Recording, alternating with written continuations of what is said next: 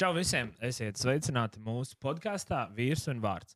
Raksturs, identitāte un ticība. Mūsu studijā šodien esmu es Artūrs, Niks, Čau. Edvards Sveiki! un Toms. Sveicināti! Un, uh, mēs turpināsim mūsu sarunas tēmu par vīrieti un ticību. Un šod, šodien mēs uh, teikt, sīkāk paskatīsimies uz tieši efektiem, kā iespējām ticībai un neticībai uz vīrieti un arī apkārt tādā globālākā mērogā. Vīri, ko jūs domājat par to? Jā, es uh, gribu sākt varbūt, ar to, ko mēs teicām pagājušajā reizē. Man ka ticība ir pārliecība par neredzamām lietām. Un, um, un, un kad ir ārkārtīgi svarīgi ticēt, un, un vispār jebkuram cilvēkam svarīgi ticēt, un domāju par to defektu, ja tā var teikt, jeb efektu neticībai, uh, kas vīrietim ir. Es domāju, ka uh, tas ir um, viena lieta, kas man nāk prātā, ir nestabilitāte. Uh, viņš nav stabils. Uh, viņš, viņš, viņš uh, respektīvi, cilvēks, kurš tic, viņš ir stabils, kurš netic, viņš ir nestabils par kādām lietām, kas savukārt izraisa šo neizlēmību. Um, man liekas, ka neizlēmība ir ļoti svarīga epizode, jo cilvēks, kurš netic, viņš ir neizlēmīgs. Un, um, ikdienā mēs pieņemam desmitiem tūkstošu izvēļu uh, mūsu prātā, un tas ir ārkārtīgi svarīgi, ka mēs esam ticīgi. Un uh, ticība ir tā lieta, kas um, mums palīdz izdarīt uh, labas uh, izvēles. Uh, un, un, un tāpēc vīrietim svarīgi būt ticīgam, jo tas palīdzēs viņam būt izlēmīgam. Un izlēmība ir ārkārtīgi svarīga lēmuma pieņemšanā. Un mums, vīriem, kā ģimenes galvām, um, vai, vai topošiem, vienalga, kā, kā, kurā posmā mēs atrodamies, ir svarīgi, ka mēs mācāmies pieņemt svarīgus lēmumus. Um, nevis ne, kad mēs esam tie, tās galvas un sievas ir kakli, kas groz galvas, bet mēs varam pieņemt atbildīgus lēmumus. Uh, Kā tu domā, nestabilitāte? Jo nu, darbā ir daudz vīriešu, un nu, lielākā daļa no viņiem netic. Mm -hmm. Es, es nezinu, nu, es zinu dažus tikai, kur tic. Jā. Un, kā, nu, viņi izstāsta ļoti stabili. Kā tu domā, nestabilitāte? Jā, redzi, te jau ir tā lieta. Um, katrs cilvēks kaut kam tic. Un tas cilvēks, kurš netic dievam un nekam, patiesībā viņš tic pats sev, jo viņš ir atļāvies ticēt sev, ka tas, ko viņš saka, ir pats svarīgais, svarīgākais. Līdz ar to nestabilitāte ir tādā ziņā, ka katrs cilvēks kaut kam tic, un, un protams, mēs, mēs šeit konkrēti runājam par ticību uz Dievu.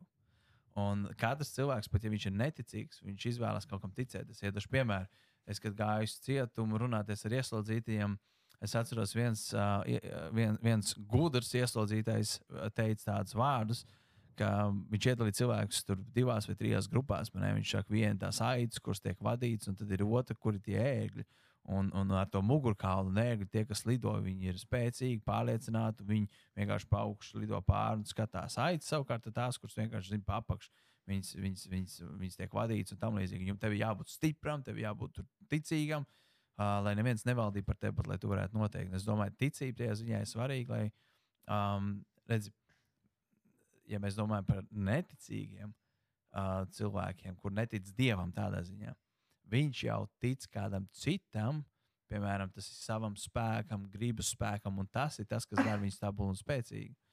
Um, tāpēc, protams, cilvēks, kurš netic dievam, bet tic kaut kam ļoti, ļoti spēcīgi, arī var būt spēcīgs. To mēs redzam islāmā, piemēram.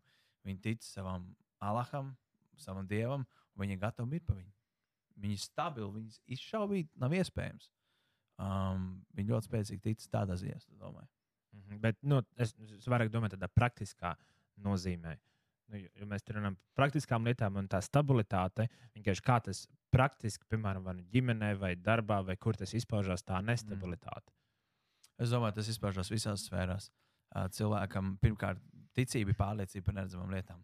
Cilvēks, kurš ir nepārliecināts, viņš ir nestabils. Cilvēks, kurš ir pārliecināts, viņš tic, ka viņš var, viņš varēs, uh, viņš iet, iegūst darbā paaugstinājumu.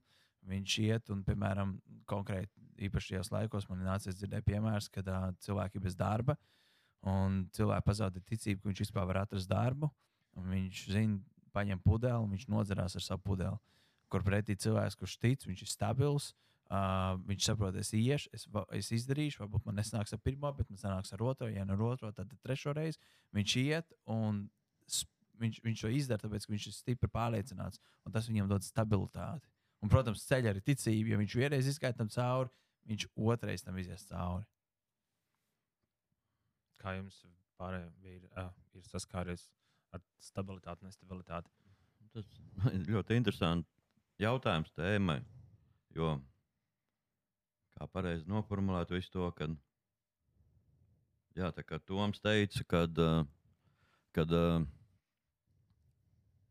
tā, bija izstos no domas, bet, nu, jā, par to, kad uh, tic kaut kam, neticīgais viņš tic kaut kam, viņš tic sev, savam spēkam, jā, kad uh, viss notiek ar mani, nu, es savā spēkā visu to daru. Tā bija vismaz ar mani, jā, ka es uz Dievu, kad nebija atgriezies, kliedz. Es neesmu marionēta, ja, ko es pagājušajā reizē arī teicu. Kad es visu daru, es esmu pats savs laimes kalējs. Es ticu tikai savam spēkam, savām spējām. Ja. Es, un tad, kad uh, Dievs sāk ar mani, uz mani runāt, viņš man parādīja, nu, gribi kalt, nu, kalt. Cik tu ilgi kals, jā. Nu, paņem to amorī, tā kā bērnam, jā, tu saki, nesit tā, dari tā. Tu neklausi, tu dabū pa nagu, zils nakts. Nu, tā, nu, teiksim, tā es to redzu un sajūtu. Un arī nu, viņš netic, jā, kad ir Dievs. Nu, viņš neredz, ka Toms teica, jā, visa ebreju vēstule 11. nodaļa, visi tikai vienīgi runā par ticību, jā, no vecās derības, kas ir nākušas. Visi rakstīts ticībā, ticībā, ticībā. Neticīgam tas nav. Viņš ir pats savs laimes galējs. Un otrs, ko es tā pārdomāju, kamēr Toms runāja, nu, ticīgam cilvēkam ir miers. Miers par visu, vai ir darbs, vai nav. Viņš ir, nu, Jēzus dod mieru. Viņš teica, es mieru jums dodu. Jā. Neticīgais, jā, tikko kaut kas nenāk, viņam ir stress, viņš sāk nervozēt, un tad uh, mājās viss ir vainīgi. Tur ir trauki, tur ir asars, nu, vispārējais. Uh, ticīgam cilvēkam, nu, nesanāca man šodien dabūt darbu. Labi, dabūšu rītā, lūkšu. lūkšu un... Tas tādā ideālā variantā. Nē, nu, bet uh, mēs visi tiecamies uz to. Mums Jā, tas jādara. Jo nav mums bailī, bailības gars dots. Piekrītu. Jā, atgriežoties pie to, ko Toms stāstīja par to izlēmīgumu, arī var padalīties no savas pieredzes par to, ka uh, arī pirms tam, kad es vēl biju kristietis, man arī likās, ka viss ir slikti. tā Nevarēju pieņemt lēmumus, bija grūti kaut kā saprast, sakoncentrēties uz kādām lietām. Un tagad noteikti var teikt to, ka uh, esmu iegūmis tādu, varbūt ne vēl pilnīgi tādu izlēmīgumu, bet tā, jā, kā tu teici par uh, ceļu uz to, ka mēs tiecamies uz to, kad uh, ir daudz vienkāršāk pieņemt lēmumus. Un jā, tas miers arī, ko tu pieminēji, Edvard, uh, kad ir tāds iekšējs miers, kad ir tā ticība, paļāvība, kad uh, ja ne, nesanāks kaut kas, tad tā, tas varbūt ir bijis vienkārši Dieva plāns, un tā, tā, tā vienkārši bija jānotiek. Jā. Es domāju, īstenībā tu pareizi pieminēji par to lūgšanu. Um, tad, kad mēs lūdzam, piemēram, un tad, kad mēs esam īpaši krustcelēs, piemēram, tev ir divi lieli lēmumi, jāpie, jāpielēm darīt to vai darīt to. Um, tajā brīdī mēs nesam to Dievu priekšā, mēs lūdzam, un pat ja, pat ja man nav iedota atbilde, un es nezinu, ko darīt, mēs ticībā pieņemam, ok, Dievs, es vienkārši, vai tā ir iekšēji balss, vai vienkārši, no, ok, es darīšu to. Un pat ja tu aizšaus greizi, tev ir tā pārliecība, bet Dievs man piedos. Es, es zinu, es varbūt sačakrēšu, es atnākšu apakaļ, teikšu, Dievs, lūdzu, piedod man. Bet tu zinās, ka, nu, ka tu vari vienmēr atgriezties atpakaļ. Man liekas, tā ir tā drošība, kas tev ir. Jā, Edvards, tu, tu daudz laika pavadi uz ceļa. Es vienkārši iedomājos, ka tāds puspajokam jautājums, vai cilvēki ar tām zīltiņām uz mašīnas ir stabilāk uz ceļa. Stabilāk. Šoferi. nu, kā kurš? Nu, teiksim, godīgi sakot, nemaz tik daudz to zivtiņu nebrauc. Jā. Nav tik daudz nemazam. Jā, teiksim, tas ir drīzāk nonsens nekā tāda normāla parādība. It kā pilsētā, jā, bet teiksim, tieši uz šosei ir mazāk. Bet man tas ir garš stāsts, bet gra, Grašēram bija interesants viens stāsts par, par to zivtiņu, nevis par zivtiņu, bet par viņu baznīcas uh, logo. Kas tur bija pastāstīt? Nu, tur tā īsos vārdos viņš brauc ārā no sānceļa. Nu, un viņš redzēja, ne, neaprēķināja to tai mašīnai, kas brauc pa galveno ceļu, kad nu, tā mašīna brauc pulka ātrāk, bet uh, viņam likās, ka viņš paspējas. izbraukt. Viņš izbrauca un teiksim, nobloķēja to mašīnu. Un, nu, tur bija no aizmugures taurēšana un vispārējais. Un izteiksmīgi žesti, jā, nu, teiksim, kā viņš nosauca, vienīgais ceļš pie dieva. Jā, tas žests, jā. Un uh, mašīna apdzina, un viņš skatās. A, tur ir uz bumpera mans, uh, mans baznīcas, čārču baznīcas jā, logo. Tas ir mans cilvēks. Jā, un tad, un tad, jā, tad viņš nākošā krustojumā nostājas blakus. Tad, tad tur tajā mašīnā, kas tikko taurēja un visu kaut ko darīja, tur bija diezgan liela grēknožēla. Turpat krustojumā, jā, tur bija viss. Tur bija piedod, piedod mācītāji, es nebiju, nebiju taisns. Jā, nu, tā. Vajag labi ātri. Nu, ātri viss, bet, nu, nu, viņš gan stāsta interesantāk, nu, viņam ir laba humora izjūta, viņš mākslinieks stāstīt. jā, jā. Uh, man uh, par uh, kā, efektiem neticībai. Uh, man būtu pirmā lieta, varbūt tās būtu, nu, varbūt ne pirmā, bet viena no manas, manas top 5 būtu neizpratne par identitāti. Vai tāda nepareiza identitātes sapratne, vai vienkārši ideja, ka nu, nav, cilvēkiem nav ideja, kas tas īsti ir. Uh, Un, jo, piemēram, kas raksturo vīrieti mūsdienās? Lielākā lieta ir tas, ko vīrietis patērē. Kā vīrietis izskatās, ar kādu mašīnu viņš brauc, kāda viņam sieviete pie sāniem, nu, cik viņam daudz naudas, cik viņš var mētāties. Nu, tā, tā, tā ir viena no lietām, kas raksturo vīriešu identitāti. Līdz ar to man liekas, tas ir baisais mīnus, kas, kas nu, vienīgā lieta, ka principā kristietība, ne, ticība dievam, mums iedod identitāti, ne, tādu, tādu lielu, tādu kopēju, kas eh, apvieno teikt, visus vīriešus. Un tas ir tas, ka mēs esam Dieva bērni. Īpaši un tādi unikāli, tā var teikt. Un īstenībā, jebkurš var pievienoties, ne, visi ir aicināti. Bet, uh, jo, jo katrai ticībai būs sava identitāte. Man ne, tur, piemēram, hinduistiem, tiem vispār ir traki. Nu, tā, nu, ja tu, es nezinu, es nabaks, nu, tad Tā, tā tev ir jābūt, tāda ir tava karma un tam līdzīgi. Un uh, nākošā lieta man būtu neziņa par eksistenci. Piemēram, uh, tas, uh, ja, mums, uh, ja mums nav dieva, manai, tad uh, ko pasaule domā par eksistences jēgu vai dzīves jēgu? Ja tas ir tas parasti lielais filozofiskais jautājums, ko cilvēki bieži uzdod. Uh, kāds ir, kāda ir dzīves jēga? Un īstenībā neviens nevar atbildēt. Man ne, tie pašiem hinduistiem, ko es pieminēju, viņiem lielākais mērķis ir vienkārši izgaist nebūtībā, savibrēties ar kosmosu un kaut kam līdzīgam. Um, kam vēl um, islāmistiem, nu, labi, viņiem ir viņa, viņa ideja par dievu, ne, un līdz ar to ar darbiem panākt to mūžīgo uh, laimi tajā vietā, kur viņi tur nonāks. Ne? Es neesmu tik gudrs islāma jautājumos, bet uh, jā. Un vienīgi man tikai Dievs mums dod tādu labu, veselīgu, tādu priecīgu ideju par to, uh, kas ir ek par eksistenci. Kāpēc mēs eksistējam, kāpēc mēs esam? Ne? Tieši tā, tā identitāte, ka mēs esam Dieva bērni. Ko jūs par to domājat? Nē, nu tā ir. Jā, teiks, teiks tā, ka tu saki, jo tam neticīgām viņam tik tiešām nu, nav sajāga. Pat ja viņš dzirdēs to, ko, to, ko tu tagad teici, nu, viņam būs teikt, spurs pretī, viss gaisā, kā tas ir. Jā? Jo, ja tu pateiksi, nu, ka Dievs mūs radīja sev, sev par godu, jā, kā, kā tas var būt? Viņš labāk noticēs tur kaut kādam sprādzienam, kas ir kaut kur noticis. Jā, kad, uh, un ka viņam ir tur 9, 10 dzīvības, nekā to, ka nu, tas ir neredzamais, ir radījis tevi redzam. Nu. Savā ziņā vienalga viņi tic neredzamajam. Tas ir tā.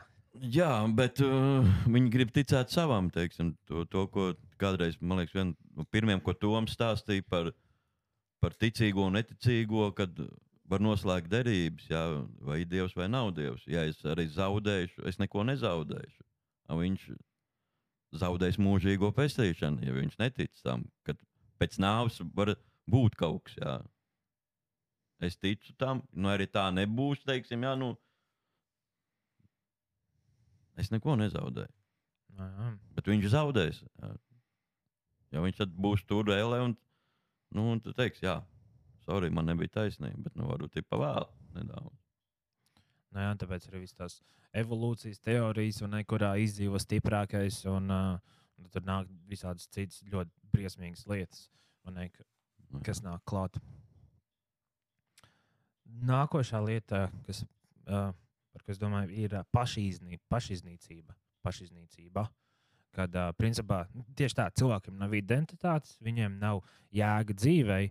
Un, uh, ja tev nav jēga dzīvot, tad, uh, principā, vienkārši ko tu darīsi? Tāpēc mēs skatāmies, vienkārši mūsdienās ir Instagram un internets, un kuros vienkārši cilvēki publiski paši iznīcinās. Vai ne ir cilvēki, kuriem ir sasnieguši, es nezinu, pilnību, vai ne tur uh, mūziķi, kuriem ir nauda, slāva, vispārējais, un viņi uztais pašnāvības. Un ne visas depresijas, visas ārprāts, tas ir, tas, ir, tas ir krimināli. Es arī dzirdēju, nu, piemēram, tagad, zinu, kā YouTube ir daudz, un tam līdzīgi. Uh, Un daudzi sevišķi bērni vai ne iesaistās YouTube, taisa kontus un tam līdzīgi. Un es nesaku, ka tas ir slikti. Bet uh, es dzirdēju, viens par to runāju, un kad ļoti daudz no viņiem tieši cieši depresiju. Tas, ka tu visu laiku esi uz skatuves, visu laiku te vērtē un tam līdzīgi. Un savā ziņā tas tev vienkārši, nezinu, tu gribi kaut kādu slavu, kaut kādu godu, dabūt to identitāti, un tu vienkārši automātiski ej uz pašiznīcību. Jā, es domāju, ka tā arī ir. Jo kaut kā atceramies to pašu Maikla Džeksona iemeslu, kāpēc viņš kļuva par to, ko viņš kļuva. Manē, un kāpēc viņam mājās bija, piemēram, šis attrakciju parks uzcelts manai. Tāpēc, ka viņš bija, nu, nebija dzīvojis bērnībā, viņš gribēja atgriezties bērnībā. Tā ir tā, ka tu visu laiku sev meklējumos, tu mēģini pierādīt sev kādam. Un, un redzi, tu nevari izdzīvot bērnību, esot pieaudzis. Un tieši tāpat tās cilvēks nevar atna, atrast dzīves jēgu bez dieva. Un tad nonāk tas, ko tu teici, tā pašiznīcināšanās, ka cilvēks dzenoties pēc jebkā cita, kas nav dievs, viņš nonāk pie tā, ka viņš neatrod to, ko viņš meklē. Un Tas arī tāpēc, ka arī manai es un mēs, man liekas, ticam, ka mēs esam izvēlējušies Dievu, jo Dievā mēs esam dabūjuši mieru saistībā ar to, kāpēc es esmu šeit un ko es te daru. Nu un tikai ar Dievu mēs ejam uz, uz pilnību. Un, ne, pie Dieva uz mūžīgo dzīvību, vispārējais burtiski iet uz iznīcību. Jā, man liekas, arī mūsdienās ir ļoti šajā Covid laikā ir aktuāla tāda. Nu, viss ir ierobežots savā veidā. Viņiem nav kaut kādas tādas prieks, hobija vai kaut kāda tie treniņi. Ok, treniņi laikam tad ir atsākušies, cik es nojaušu.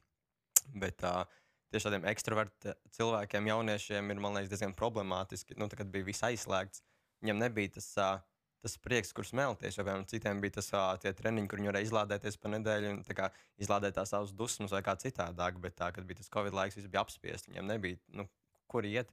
Un man liekas, arī, nu, ko tu pieminēji par to depresiju, kad mēs mūsdienās viņa tā diezgan aktuāli ir, kad, kad, kad ir viss aizslēgts. Tad nav tas, tā miera osta, kur pieķerties, ja nav kristieši. Jā.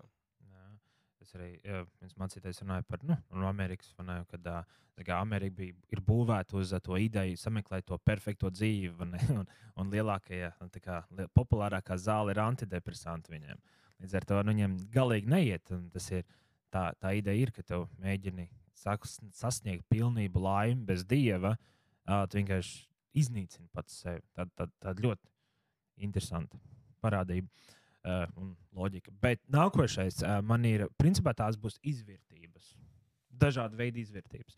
Un uh, uh, vēstulē romiešiem es nolasīšu tad, uh, dažus pantus, kas paskaidros to domu. Tad uh, vēstule romiešiem, pirmā nodaļa, 21. pants līdz 28. Tātad, jo pazīdami Dievu, viņi to nav turējuši godā kā Dievu, un viņam nav pateikušies, bet savos spriedumos krituši e, nīcības gūstā e, un savā sirdžu neprātā iegrimuši tumsā.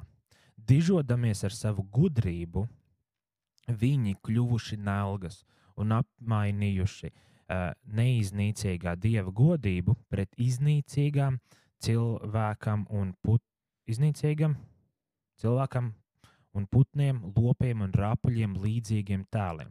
Tāpēc Dievs uh, viņus, uh, viņu sirdžu kārībā nodevis izvērtībai. Uh, tur ir nākušais vārds - kufā. Es nezinu, ko tas nozīmē, bet Tajā Bībeles tūkojumā tur tā bija rakstīts. Būs jau vēlāk jāapskatās. Tad viņas nodevis uh, izvērtībai kufā. Viņai, viņi paši sākuši uh, sagandēt savas miesas, tāpēc ka viņi dievišķo patiesību apmainījuši pret meliem un sākuši dievināt un pielūgt radību, atstājot novārtā radītāju. Viņš, lai ir slavēts visos mūžos, Āmen. Tad nu Dievs viņus nodevis kaunā, kauna pilnā, pilnās kaislībās.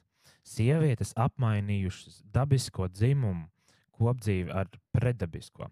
Tāpat vīrieši atmestami dabisko kopdzīvi ar sievieti, cit, cits pret citu iekaisuši savā iekārē, piekopdami netiklību, vīrietis ar vīrieti, saņemdami pelnīto sodu par savu nomaldīšanos paši pie sevis. Tad, nu, tāpat kā viņi nav turējuši cieņā viņiem doto dieva atziņu, Dievs viņiem līdzis krist uh, necienīgās tieksmēs, ka viņi dara to, kas neklājas. Un, uh, man liekas, tas ļoti interesanti, tas, ka nu, tā Bībele tieši nu, tā viens pret vienu uzraksta. Tāpēc, ka viņi nav turējuši cieņā viņiem doto dieva atziņu. Un tad ir tas, ka ne, visi cilvēki apzinās, nu, viņiem ir dota atziņa par dievu. Bet vienkārši cilvēki to paņem nost. Un uh, tad ir. Uh, Uh, man patīk, ka ļoti labs skaidrojums ne, par dieva dusmām. Vienkārši to pabeigšu. Kad uh, ir dieva aktīvās dusmas un pasīvās. Un neviens cilvēks neizmūg no dieva dusmām. Aktīvās dusmas mēs izjutīsim tad, kad būs uh, tiesas diena. Tad viss saņems sodu. Pasīvās dusmas ir tad, kad uh, mēs dzīvojam šo dzīvi un mēs tā teikt, uh, metam pa monētiņai, kraikasītē. Un uh, tas viss krājās tas viss krājās, un uh, tās ir dieva dusmas, ka cilvēki dzīvo izvērtībā. Tas ir īstenībā tāds apbrīnojams lieta, tas nav tikai grēks, bet tās ir reāli. Tu izdzīvo dieva dusmas, ka tev dievs atļauj tad, nu, sačakarē sevi pa pilnu programmu, cik tu vien vari, un nu, tad tu pats redzēsi, cik briesmīgs tu esi.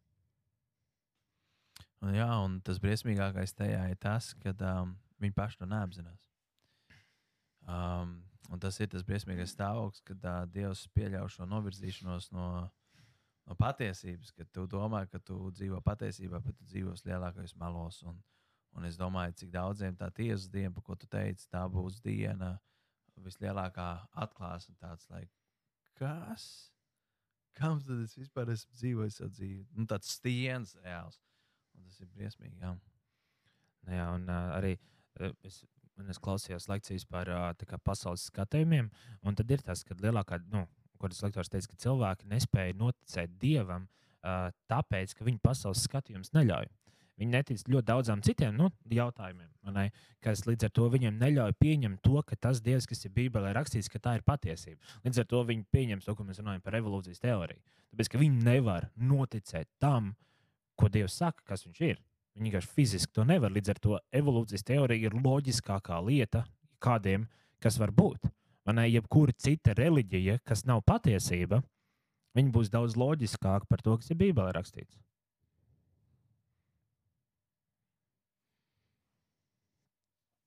Un uh, manu top nu, negatīvajām lietām uh, nobeigs uh, dažādas maldu reliģijas un ideoloģijas. Un, uh, šis ir briesmīgs efekts kā, uh, tam, ka cilvēki, uh, tā teikt, tas, ko mēs runājam, atmet patiesību par Dievu. Un tam mums izveidojas pasaulē, nu, mēs vienkārši tās iedomājamies visbriesmīgākās lietas, kas ir notikušas. Kas to ir principā darījuši, veidojuši? Cilvēki, kuri netic dzīviem dievam, trīsvienīgiem dievam. Ne, piemēram, Hitlers. Kā tāds labs piemērs. Staļins.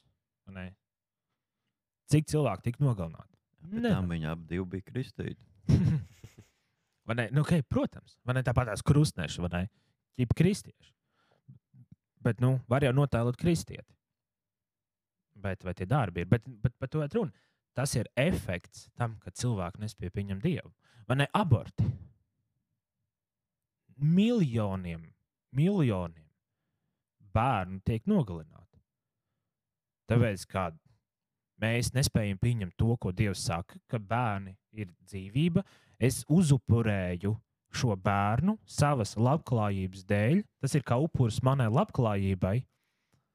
Es viņu uzupurēju. Man ir cilvēki, kādreiz upurēja bālam bērnus, tie paši izrēlieši arī. Tā, tāpēc tas bija ļoti populāri, o, lai dabūtu to, ko viņi grib. Un tagad, lai mēs saņemtu to, ko mēs gribam, savu labklājību, mēs vienkārši uzupurējam bērnus, izgriežam viņus ārā. Tas ir reāli efekts. Un uh, visas lielās maldu uh, reliģijas, ne, kuras maldina cilvēkus, ne, kur sola, ka viņi paši var būt dievi. Un, un tam līdzīgi. Tas, tas ir ārprāts, tas ir tas efekts. Vienkārši prātam neaptveram. Tas tāds no negatīvās puses. Vai jums, puiši, vīri, ir kaut kas piebilstams Diezgan drūmi. pie negatīvajiem? Jā, ja pie pozitīvā. Jā, bet eh, vienmēr jāatcerās, ka Dievs ir gatavs katru defektu pārtaisīt par efektu. Un viss ir atkarīgs tikai no tā cilvēka domām, vai viņš mainīsies vai nemainīsies. Jā, Viņš ir gatavs. nu, labi. Tad jā, esam nonākuši pie pozitīvā topa. Vīri, kas jums ir sakāms pie pozitīvām lietām. Pozitīvais efekts tātad ticībai. Kāda ir eh, tas iespējas uz vīriešu dzīvi, uz sabiedrību tam, ka vīrietis tic trīsvienīgiem dievam. Un šoreiz piemin trīsvienīgais dievs, tāpēc, ka man bija eh, saruna ar Jehovieti. Un, eh, un es nezināju, cik daudz viņi pārzina Bībeli. Man nekad nebija bijis darīšana. Un, ja mēs runājam par Dievu kā Dievu, viņš pārzina Bībeli. Mēs varētu runāt stundām ilgi, un nebūtu problēma. Tā kā mēs pieskaramies Jēzum, tur parādās problēma. Tāpēc, ka viņi netic, ka Jēzus ir Dievs, viņi netic trīsvienīgam Dievam. Līdz ar to man šeit citreiz mums vajag piebilst tam, kam mēs īsti ticam Jēzum, trīsvienīgam Dievam, nevis vienkārši tikai Dievam. Tāpēc ticība ir jā, par to. Tas tāds mans ievads pozitīvajam. Bet man likās, man likās svarīgi piebilst. Jo man bija, starp citu, man, man bija interesanta lieta. Mani nobloķēja Jehovietis. Viņ, man zvanīja, un tad viņš man stāstīja, viņam bija ļoti interesanti veidi, kā viņš starp citu pār, pārtaisa manai kā Bībeles faktus, vai ne? Un tam līdzīgi, un viņi tur bija pārveidi. Nu, tas jau tikai tur teiciens, tas jau tā, un tas tur šitā, un, un, un beig tāds, tāds ļoti tāds drosmīgs viņš bija, vai ne? Tāds pārliecināts. Un tas, kā, viņi runā, ne? Tas arī diezgan interesanti. Jo, jo viņš man pasaka to, un tam līdzīgi, vai ne? Tur tā un šitā. Un es viņam saku, es tev nepiekrītu. Es tev nevaru piekrist, tāpēc, ka Bībele saka savādāk. Un viņš pēc tam atsaucās uz to sarunu, ka, nu jā, mēs jau runājām, un tad jau ir tas, un tā jau, ko mēs izrunājām, un tam līdzīgi. Līdz ar to es viņam pašā beigās, nu, kā, uh, es, es klausījos, man bija interesanti. Es neko ļaunu viņam neteicu, un tam līdzīgi. Es viņam pēc tam prasīju, ej, klausies, varbūt gribi iepazīties ar Jēzu? Un tam līdzīgi. Viņš man atsūtīja, ka viņš apbrīno man nekaunību un ka viņš man novloķēja. Tā kā Jehoviešiem vajag piedāvāt iepazīties ar Jēzu, jo viņi ir diezgan, man šķiet, vismaz šis čels bija diezgan lepns izties ar to, ka nu, viņš zina labāk.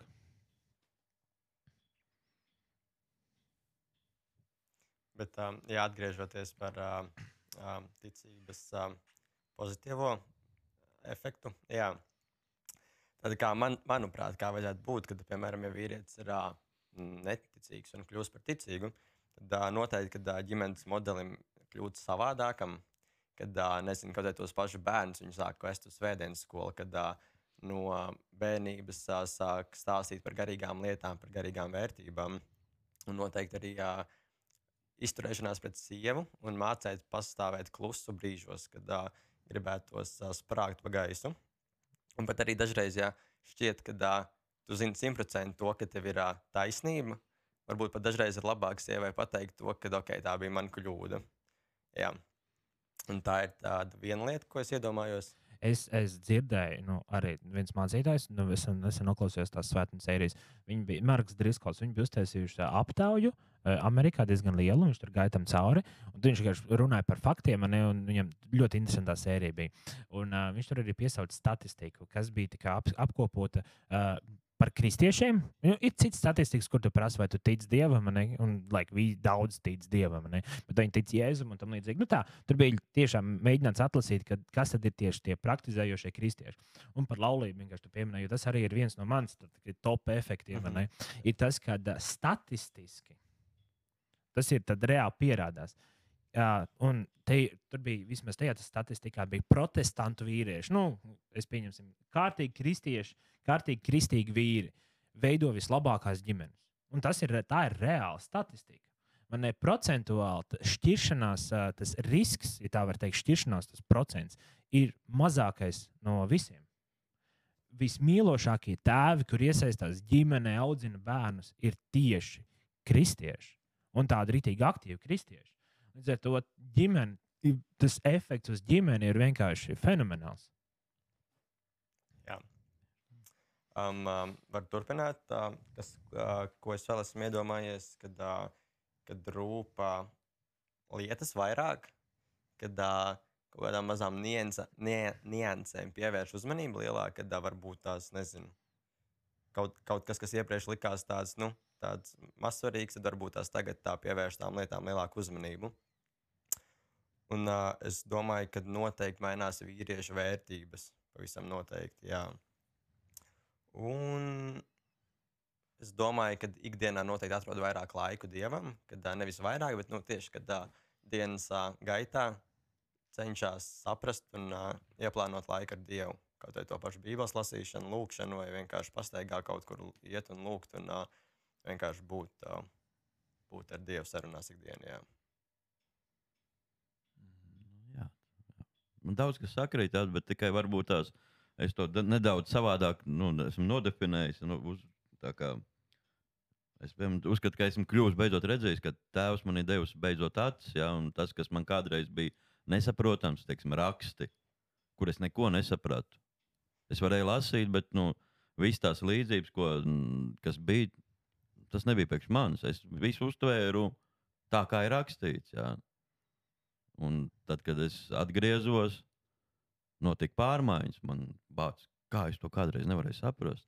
Nu, arī tagad ir kaut ko Dievs atklāja, jo at, viņš atklāja tā pakāpeniski, lai, lai man, man bērniņi, man smadzenes iztur to. Jo, teiksim, tas nākošais, kas ir, um, man ir praktiski efekti. Jā. Tas lielākais efekts bija grēknožēla pirmā, ceļš tāda nopietna. Jā, teiksim, Jo Dievs lietoja tomu, Toms ņēma vārdu, kas priekš maniem bija airis, un deva pa maniem bērniņiem. Ja, un, teiksim, pēc vienas tādas svētdienas es pārnācu mājās, tad diezgan tāds. Es no sākuma nesaprotu, kāpēc esmu tāds drūms, tāds sakauts. Ja, un es sāku saprast, domu, nu, cik es esmu niecīgs. Ja, un, tas emocijas, nu, tas viss tādā īsā brīdī, kad es biju aizbraucis ar jauniešiem uz divām dienām uz Ogaru. Tur es redzēju daudz ko, iepazinu, kas man bija kādreiz slēpts un nebija saprotams. Un viss tā bilde tās strauji sāk likties kopā. Es atapos tā, ka esmu mans istabā. Es puņķojos, es raudu pilnā balsī, es pagriežos, es redzu, ka durvis stāv pārbiedēt meita ar lielām acīm. Viņa noteikti domā, ka viss vecam jumts aizbraukt. Pilnīgi. Un viss, un nekas. Un, un es vēl pēc tam vēl sāku smieties. Jo man, manī ienāca miers, jā, jo pēkšņi es sapratu, kas priekš maniem ir jēzus. Pēkšņi tas viss tā sanāca, jā, tā es raudu, asaras birst, meita skatās, es smējos, es saku, man viss ir kārtībā. Kā tu raudi? Es saku, bet es smējos, jo manī nāk iekšā miers, man tas ir sliktums iet ārā un nāk iekšā miers. Man ir labi. Un es esmu to piedzīvojis vēl vienreiz. Bet, nu, jā, pirms tam es tieku nolikts uz ceļiem, lai saprastu, kas ir miers. Kāds miers man ir vajadzīgs. Nu, tā praktiski, jā, tas, jā, jā. tas tā, tā, tā, tā grēknožēl, kas kādreiz pēc maniem nu, sirdsapziņā pasakā, nu, tā bija sliktāk. Bija slikti, nu, bet izdarīja. Nu, viss, nu, teiksim, nekas tālāk nesakoja. Jā. Un tā tā dzīves uztver, jā, viņa pilnībā, pilnībā, pilnībā mainās. Jā. Tas, kas kādreiz tev likās mazsvarīgs, tagad ir svarīgs. Un kas likās tev svarīgs, tas ir atbīdīts. Nu, vispār, varbūt tās pat izņēmtas Dievs, viņi ir izrāvis visām saknēm no tevīm ārā un pat jau pateica, tas tev nav vajadzīgs. Pa jebkuru lietu, kas ir, bet tukšs viņš neatstāja. Mhm. Tas gan. Um, jā, Edvards, tas ir paldies, ka tu dalījies. Tas, man liekas, ir, ko mēs pagājušajā reizē runājām arī, kad uh, īsti ir raud. Tieši tā. Un, um, jā, e- es, es, es domāju par efektu. Es domāju, kā, kā, kā, ko tas ir mainījis manā dzīvē. Un es domāju par to, ka, tad, kad tu kļūsi ticīgs, tev dzīve mainās par 180 grādiem. Proti, um, tava ticība, jeb dievs, uh, tev liks darīt lietas, kuras tu nekad pirms tam nedarītu. Un otrā, otrā tu nedarīsi tās, kuras tu pirms tam būtu darījis. Uh, vai, piemēram, ar tavu dzīvi notiks lietas, kuras tu pirms tam nekad nebūtu pat iedomājies savos sapņos. Um, es konkrēti varu dot piemēru no savas dzīves, tad, kad es nu, tā pa īstam satvēru Dievu, jeb Dievs satvēra mani. Tad um, es tā laikā dzīvoju īrijā, strādāju vienkārši internetu veikalā, kā es darbu, kā jebkurš normāls cilvēks. Bet es biju aizdedzies par Dievu, un es sāku vienkārši darbā visiem stāstīt par Dievu. Un, man tur savukārt par reliģisko fanātiķu un vēl visu kaut ko. Um, un, un, un, un tad, kad Dievs man rīktīgi satvēra, es sapratu, nē, es negribu vienkārši tāpat tās savu dzīvi izniekot, ejot uz darbu. Es gribu kaut ko vairāk. Un tā laikā es biju jauns, man bija kaut kādi 20, nezinu, 2, 3, 4 gadi, kaut kas tāds. Uh, es sāku meklēt Dievu vairāk, un Dievs ielika manā sirdī, ka um, jābrauc atpakaļ uz Latviju. Un es sāku lūgt Dievu par to. Es vienkārši domāju, ko es darīšu Latvijā. Man, un, un vienkārši braucu uz baznīcu un kalpos Latvijas tautai, man ir latviešu runājušiem. Un Tā, tā doma bija, kad pusgadu es cīnījos ar viņu, tad es padevos, un tad vēl pusgads pagāja, un es biju atpakaļ Latvijā. Un es domāju, tas nekad nenotiks ar neticīgu cilvēku. Tas efekts, ko iedod Dievs, kad tu tici, tu, tu, tu pēc gada vari atrasties tur, kur pie normāliem apstākļiem tu nekad neatgrieztos. Kur gadu iepriekš mēs ar Lienu runājām, mēs nekad uz Latviju, uz to sūdu beidu atpakaļ nebrauksim, tur nav ko darīt. Un Dievs teica, ok, es dzirdēju, un tur nu mēs esam. Tā kā es domāju, tas ir tas, kas man, un, un, un tad, protams, tālāk, un šodien es esmu manai mācītājai. Tas vispār bija galīgi, tas nebija ne manā zin, dzīves sapnis, man kļūt par mācītāju. Nē. Es nekad par to nedomāju. Un Dievs izdara lietas, kuras tu pēc tam, pirms tam nekad neiedomātos. Un, Tad jau sanāk, ka uh, Dievs parādīs zelta tajā vietā, kur tu nebūtu domājis, kur viņu atradīs. tieši tā, ne visi zelts, kas spīd manē, likās, ka tur, bet Dievs teica, nē, pavisam citu. Bet es domāju, ka jums tur visās tajās sarunās figurē vārdiņš nekad. Jā, Tas Dievam ļoti patīk, tas vārdiņš. Jā. viņam patīk. Viņam viņš ļoti patīk. To es pēc sevis zinu. Jā. Es kā atnācu uz šo draugu, es sēdēju pašā aizmugurē. Un skatos, nāk liecības. Es domāju, nekāda es tur nebūšu. Nekad nepagāja, ne, teiksim, kaut kādi pāris mēneši. Un, jā, un Dievs saka, nekad. Uz Es- priekšu. Es atkal atceros, kad es uh, no sāku nākt uz, uh, uz šo draugu. Skatos, Edvards stāv priekšā un runā. Es domāju, "Vo, tas ir kārtīgs vīrs. Tā, tā sirsnīgi un skaisti runā. Paldies! Tev.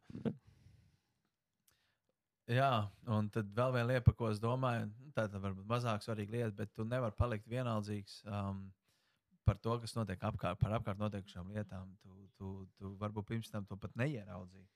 Tagad ieraugi? Un, un, un, un, un, un tu gribi kaut ko darīt, tu gribi kaut ko mainīt. Un tas ir tas, man liekas, kā, kā, kā vispār liels lietas notikušas no caur ne tikai vīriem, bet vispār sievām, meitenēm. Kad kāds jaunietis varbūt tās ierauga kaut kādu um, nevienlīdzību, un viņš grib kaut ko darīt, un tā ticība viņa dzēna uz priekšu, un viņš ticībā izdara to, ko cilvēks, kuram nav ticība, viņš nekad to neizdarīs. Pirmkārt, viņš nekad to neieraudzīs, un nekad neiedomātos to darīt. Tad cilvēks, kurš ir ticīgs, viņš saka, zini, tas izskatās stūbi, izklausās stūbi, bet es tik un tā to gribu darīt. Es domāju par to pašu stāstu. man, Mēs sākām jaunu draugu dibināt. Tas bija neloģiski, tas bija pretēji visām loģikai. Uh, izgāšanās bija ļoti reāla. Es pat varēju viņu sajust un sagaršot. Bet kaut kas tevī iekšā ir tāds, un to sauc ticība, kas liek tev iet un darīt to, ko tu nekad nedarītu. Un, un, un man tas reāli patīk ticībā. Un es ceru, um, ka um, šīs lietas, ko es esmu piedzīvojis, nav pēdējās lielās lietas, bet ka Dievs vēl ticībā dzīs uz priekšu uz lielākām lietām. Un tās tādas manas lietas, par kurām es domāju, saistībā ar ticību. Nu, jā, uh, manā, manā topā, jā, laulība, jau par ko es pieminēju, ka tas ir. Like, uh, man arī bija viens no lielākajiem kā, tiem efektiem, ko es reāli jūtu un redzu. Tas, kā es izturos pret uh, sievu bērniem, bērnu, tagad būs drīz būs otrais, te jau redzēs pret bērniem, kā tas būs. Uh, tas būs interesanti. Jā. Uh, tad teikt, nākošais uh, būtu tāds atbalsta tīkls, ko es saucu par draugu.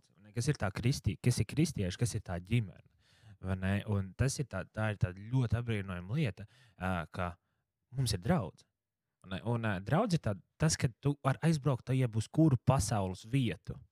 Un, ja tur ir draugs un tu esi kristietis, tad reāli būs kā mājās. To es arī izbaudīju Anglijā. Es aizbraucu, es viņus nepazinu, tos cilvēkus. Tas bija, tas bija mājās. Un tā, un tā, tā ir tāda fenomenāla lieta. Un, protams, ir cilvēki, kas dara muļķības, tāpēc, ka, tāpēc jau, ja es nācu, un ja mēs esam grēcinieki, līdz ar to viss nav ideāli, un arī neviens no mums nav ideāls, un mēs darām kaut ko ļaunu, mēs kādu apvainojam un aizvainojam. Tā kā, nu, tāpēc ir jāpiedod un tā. ne? Bet jā, tas, tas, tas, tas tīkls, tas ir kaut kas, kaut kas fenomenāls. Protams, Covid laikam ir grūti to izbaudīt. Bet uh, vienalga, kaut kā jau, kaut kā jau var. Kā jums iet tagad Covid laikā ar draugu? Uh, ja tagad ir Covid laiks vēl, kas zina, kad kāds klausīsies šo ierakstu.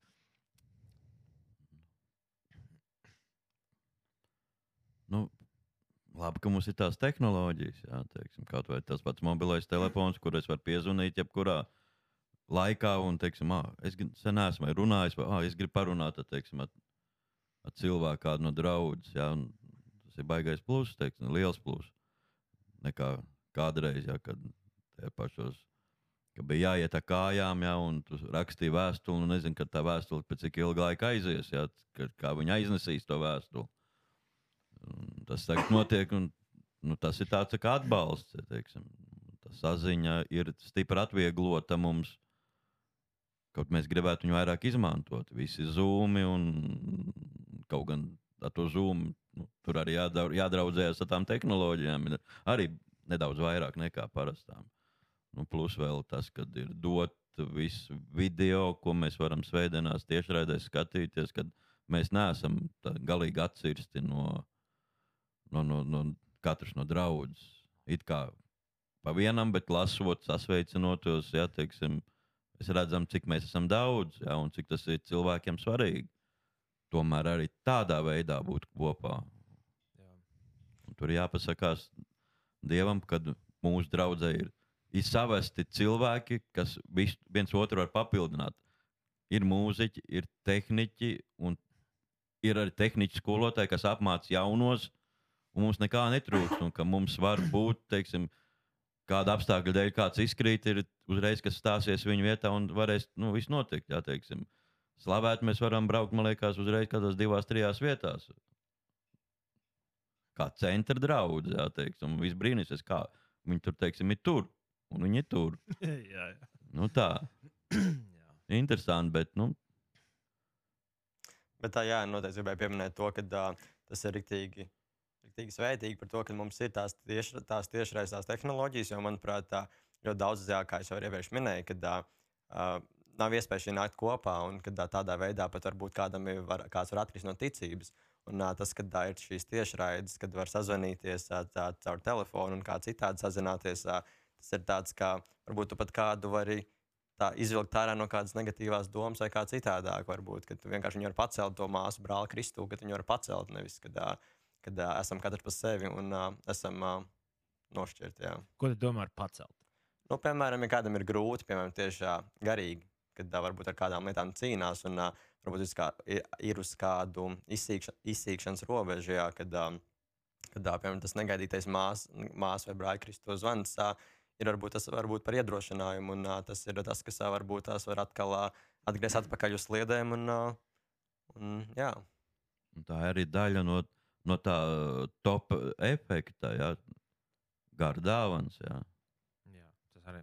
ko, ko Dievs ir katram dalījis. Un neviens no kristietis nav bez dāvanām. Dievs nevienu nav apdalījis. Ja, tikai es domāju, ka viens otrs varbūt tās baidās no tās dāvanas, ko viņam ir Dievs. Viņš varbūt tās nesaprot, kas tā ir pa dāvanu, un viņš mēģina kaut kā atturēties no tā un nedomāt par to. Tā ir tā problēma, bet gara dāvāns ir jebkuram. Viņas ir dažādas. Tas nav atkarīgs no mums. Mēs varam lūgt. Bet nav teikts, ka to, ko tu gribi, ka tu to arī dabūsi. Tu vari pēkšņi dabūt pavisam to, ko, ko tu saki nekad. Jā, jā, nekad, nekad. Jā, un vēl viena lieta, kas ir tas liels efekts eh, tam, ka vīrietis sāk ticēt Jēzum kā dievam, ir mainās pasaules skatījums. Nu, pa visiem, es nezinu, cik grādi var būt. Nu, nu, tas ir vienkārši fundamentāli, vai ne pašos pamatos viss mainās. Eh, Pirmkārt, tas nozīmē to, ka eh, ir jānotic, ka ir tāda absolūta patiesība. Vai ne? Tas nozīmē, un kad ir patiesība, kas ir augstāka par uh, jebkuru cilvēku, par, par, kad visi likumi balstās uz kaut kādu absolūtu patiesību. Jo savādāk pasaulē tas, ko mēs redzam, ir, kad uh, patiesība ir tam, kuram ir lielāks zobens, vai, vai jebkas cits, ierocis, nauda, vara, jebkas. Ja tam ir kaut kas vairāk, vai tur ir vairāk cilvēku, lielāka grupa, viedoklis, tiem ir patiesība. Patiesības ir mainījušās ļoti daudz pēdējos gados? Uh, nu, un, un, uh, bet kristiešiem mum, mūsu patiesība kopš pasaules sākumiem ir viena un tā pati. Un tā nav mainījusies. Uh, mainās arī uh, skatījums uz uh, zinātni. Tāpēc, kad zinātnē valda daudz dažādas reliģijas, jo bez dieva zinātne ir pilnīgi savādāka. Tāpēc, kad, ā, tad, ja, ja Dievs to nav radījis, tad tev ir jāatrod kaut kāds interesants veids, kā tas varēja būt. Kā piemēram tas Big, Big Bang vai ne lielais sprādziens. Tāpēc, ka Dievs jau nevarēja radīt, tāpēc, ka nav tāds viens Dievs, tāds radītājs. Un, ja viņš nav, tad tev ir jādomā visādi veidi, kā to izskaidrot. Bet, ja ir Dievs, un tev ir šī absolūtā patiesība, tad zinātne tikai var izskaidrot, kā Dievs to ir radījis. Viņš, viņi var izskaidrot to apbrīnojamo Dieva iztēli. Un tas ir nu, radikāli savādāks, un tas ir milzīgs efekts. Un tie pasaules skatījumā tur notiek daudz citas lietas, kā mēs redzam, ko mēs saprotam. Līdz ar to tā, tas ir ļoti plašs temats. Um, jā, un nākošais ir vairāk, tieši tāds izpratne par to, kas ir patiesība. E, Jo e, Jāņa Evangelijā, mm, e, 8. nodaļa, 45. pāns. Bet, ja es saku, bet man jūs neticat, tāpēc, ka es runāju patiesību. Un tur ir runa par to, ka mēs cilvēki, mēs, mēs dzīvojam uz šīs pasaules, un šīs pasaules valdnieks ir sātans. Un viņa dabiskā valoda ir meli. Viss, ko viņš dara, ir meli. Mēs esam pieraduši dzīvot melos. Līdz ar to mēs dzīvojam melos, viss, ko mēs dzirdam, ir meli, meli, meli. meli un mēs, mēs vairs nespējam noticēt kā, kaut kam, kas ir patiesība. Tas ir pilnīgi predabiski pieņemt, ka kaut kas var būt, kā piemēram, absolūta patiesība. Tāpēc arī, ja es saku, ne, viņš runā patiesību, bet mēs dabiski neticam. I Vienā angļu tulkojumā ir rakstīts, jā, mēs dabiski tam neticam. Tā ir dabiska tieksme, vēlme vai vienkārši loģiski, loģisks secinājums, ka tas taču nav iespējams, ka tādam jēzum ir patiesība. Mēs pilnīgi visu apšaubām. Tāpēc ir, mums ir jānotic, ka tie nav meli. Un, jā.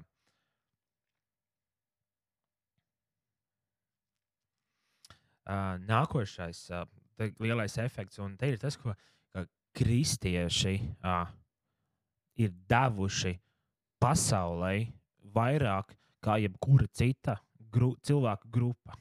Tādu pozitīvu lietu. Um, kristieši, uh, un tāpēc, ka mums ir Dievs, ne, mums ir izpratne par to, kas ir vienlīdzība.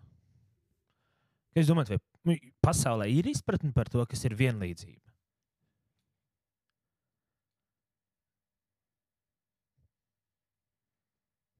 Klusums studijā.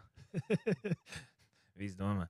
Jo e- es neredzu pasaulē, ka būtu jebkāda izpratne par vienlīdzību. Ja, ja ne tā, kas nāk no Bībeles. Okay, jums ir sievietes, kuras runā par vienlīdzību, ne?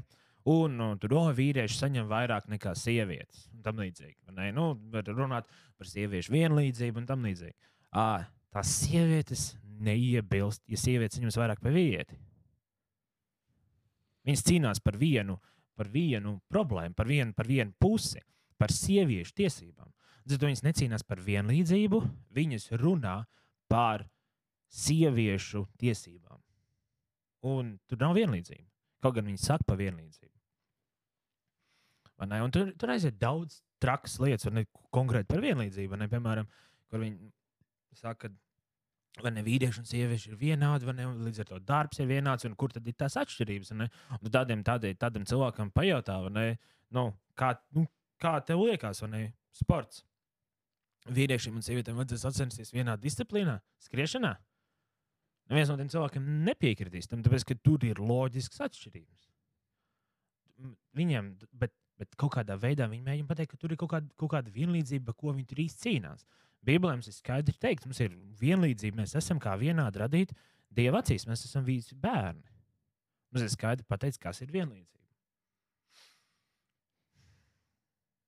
Dievs mums arī dod uh, izpratni par to, kas ir autoritāte.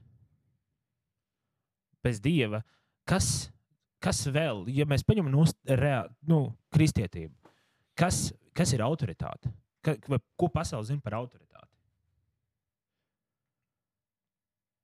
Kuram ir lielāks lielgabals, vai ne? Tam ir autoritāte. Tas ir tam arī autoritāte. Nu, jā, Tā ir pasaulīga. nu, jā. Un, uh, un, un tā, tas ir visur, dažādas gradācijās. Kas kristiešiem ir autoritāte? Tikai viens.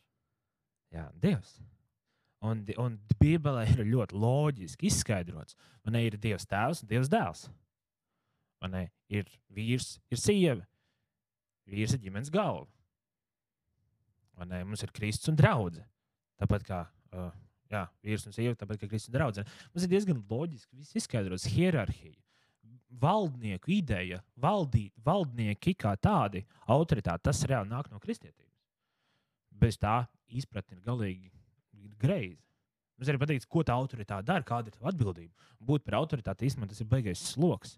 Bet tev ir, tev ir reāli, nu, kā Bībelē saka, tev ir jādod savu dzīvību par viņiem. Kurš vadītājs to grib? Visi grib būt tie vadītāji, tie, tie noteicēji, bet cik no viņiem bija gatavi dot savu dzīvību? Visi skatās uz kā uz iespēju.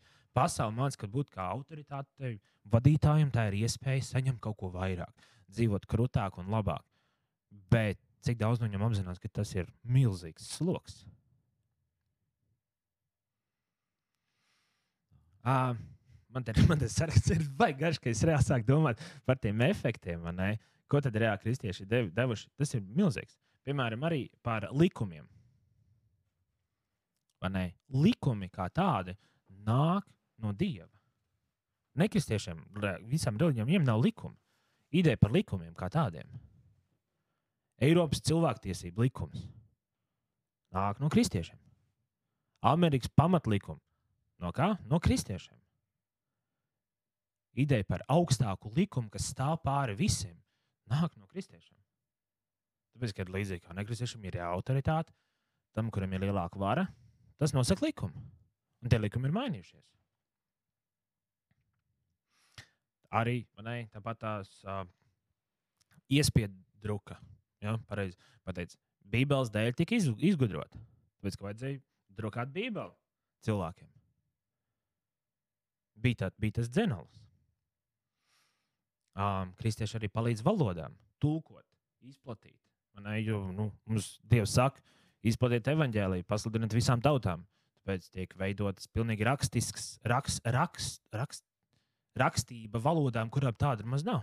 Tāpēc, kad jāiztulko Bībeli viņiem un jāiedod, lai izlasa. Tāpēc, ka ir pastāstīt ir viens, bet pašam cilvēkam lasīt Dieva vārdu ir kaut kas pilnīgi cits.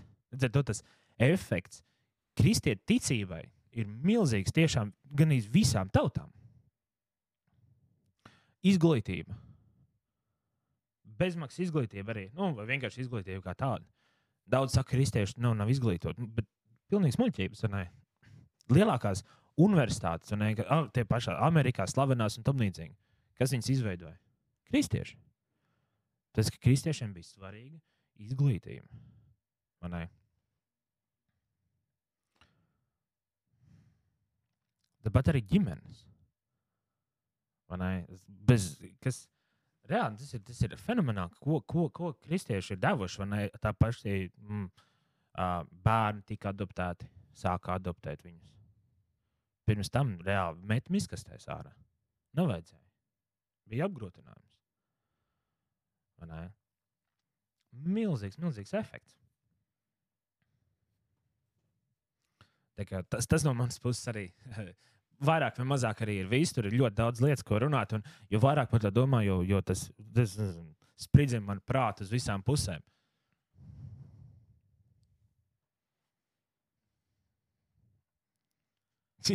Jūs tā domīgi palikāt. Ja, nu, jā, nu, tā to sarakstu nu, var papildināt un papildināt. Tas tiešām tā ir. Un kaut tik vairāk to saprast un saprast, ka tas nāk viss no Dieva, nevis no paša laimes kal kalšanas iniciatīvas. Ka Mēs visu to mākam, mēs kāds jau kaut ko ieliek. Un pats interesants, ka daudz arī neticīgi, nu, to dievu vārdu piemin ļoti bieži. Jā. Dievs ielika šūpulī, jā, tur, tur prasmu kaut kādu. Nu tā. Un pēc tam viss tas tiek aizmirsts, un tad es, mēs paši, nu, komunismu mēs cēlām paši. Nu, nesanāca. Nu tā, teiksim, tāda humoram. Nu, nu, ir kādi pēdējie vārdi noslēgumam. Tom. Nu, tas parāda tikai to, ka ticība ir um, neatņemama sastāvdaļa no mūsu katra dzīves. Bez viņas mēs reāli nevaram. Tā kā, um, jā, tas apliecinājums, ka mums ir jātic. Tieši tā. Vēl kādas pārdomas? Nē, nu, vēl eh, klausoties laiku, ko runā, nu, teiksim, katrs no mums kaut ko teica. Man atkal nāk prātā tikai tas, ka tas svētā gara klātbūtne, kas visu laiku, jā, tā, tas arī ne tikai kā mans iegūms, ka iepriekšā pārējais teica, bet tas ir arī viens no lielākiem efektiem. Jo tikai, tevī ienāk svētais gars un tu tev atdarās tas acis, jā, no, pirms tam tu esi arī apstuļiem, ja es mācīju un stāstīju, viņi nesaprata. Viņi prasa, ja es kā Dievs izskatās. Ja es atbildu, kas man ir redzējis, tas Dieva tēvu ir redzējis. Viņi nesaprot, nu, nesaprat no sākuma. Ja? To, to vārdu jēgu, ja? un vismaz maniem reāli tas pats, kamēr es nepiedzīvoju to, ka maniem ienāca svētais gars. Es neko nevarēju saprast. Man acis bija nu, tā kā kaķēns, kas ir tikko piedzimis akls, jā, kas tikai taustās un, un, un, un uz kaut kādām pazīstamām skaņām vai ko reaģē un iet uz to pusi. Bet tad mm, var tik nolaikt to, lai mēs visi būtu svētā gara pilni un nebaidītos no tā, ka tev rodās kaut kādas sajūtas, kas nav bijušas, ka tu kaut ko sāc saprast vairāk nekā tu kādreiz saprati. Tas kristietim tas ir svētā gara pieskāriens. Jā, vienkārši ļoti daudz, ko tu pieminēji, tās lietas, tos faktus, ko tu pieminēji. Līdz par daudz ko, daudzām lietām, ko aizdomāties, ko pat iepriekš tā varbūt nebija domājis. Tāpēc tā palika tāds bijis domīgāks un apdomāju. Jā, Man pašam, veidojot šo sarakstu un domājot par šīm tēmām, ā, bija tas, ka kā, likās, mēs kristieši tādi, nu, kā, bez mazliet kā aizdrēm. Un, ne, kas mēs tādi esam, ko mēs, kā, ko mēs dodam. Tā ir re, un tad, tad tas, tas, kas man spridzina to prātu, ir tas, ka tas ir nu, fenomenāli daudz. Kad, nu, un, un tad ir jautājums, kāpēc mēs kaunamies no tā, kam mēs ticam, kāpēc mēs kaunamies no evaņģēlīja. Ja mēs apzinātos to spēku, to, ko Dievs mums dod, ko Dievs grib darīt caur mums, nu, man tas dod enerģiju. Man tas dod enerģiju. Un, uh, tāpēc mēs varētu tagad uh, pielūgt Dievu, noslēgt šo e epizodi. Paldies Dievam tev ā, par uh, visām šīm pārdomām. Uh, tiešām Dievs, paldies par to, ka uh, mēs esam vīri. Paldies, ka uh, Dievs to dod mums šo iespēju ticēt tev. Tāpēc, ka daudziem tādas nav, un uh, tas ir no tevis. Un, uh, jā, paldies par tiem visiem efektiem, ko uh, tu dari uz šīs pasaules, caur mums, caur cilvēkiem, kā instruments. Tu mūs izmanto. Un uh, milzīgs paldies, ka mēs to varam redzēt, paldies, ka mēs to varam novērtēt. Un uh, Dievs uh, lūdzu, palīdz mums saskatīt tās iespējas tur, kur tu mūs gribi lietot, un dod mums spēku uh, parādīt savu uh, ticību pasaulē, pat dod mums spēku dzīvot uh, mūsu ticībā, tajā pārliecībā, tajās pārliecībās, kurās mēs esam. Un uh, tiešām Dievs uz šīs pasaules ir tik daudz cilvēku, kuriem tev netic, un uh, viņi izvēlas tev neticēt. Un uh, tiešām Dievs, es lūdzu, lieto mūs kā instrumentus, lai mēs varam šiem cilvēkiem parādīt tavu mīlestību. Tur, kur mēs esam. Un uh, jā, Dievs stiprina katru vīru, kas klausīsies šo, lai tavu mīlestību var burtiski spīdēt no mums ārā. Mēs varam paplašināt tavu valstīm. Tev, Dievs, lai ir gods. Āmen.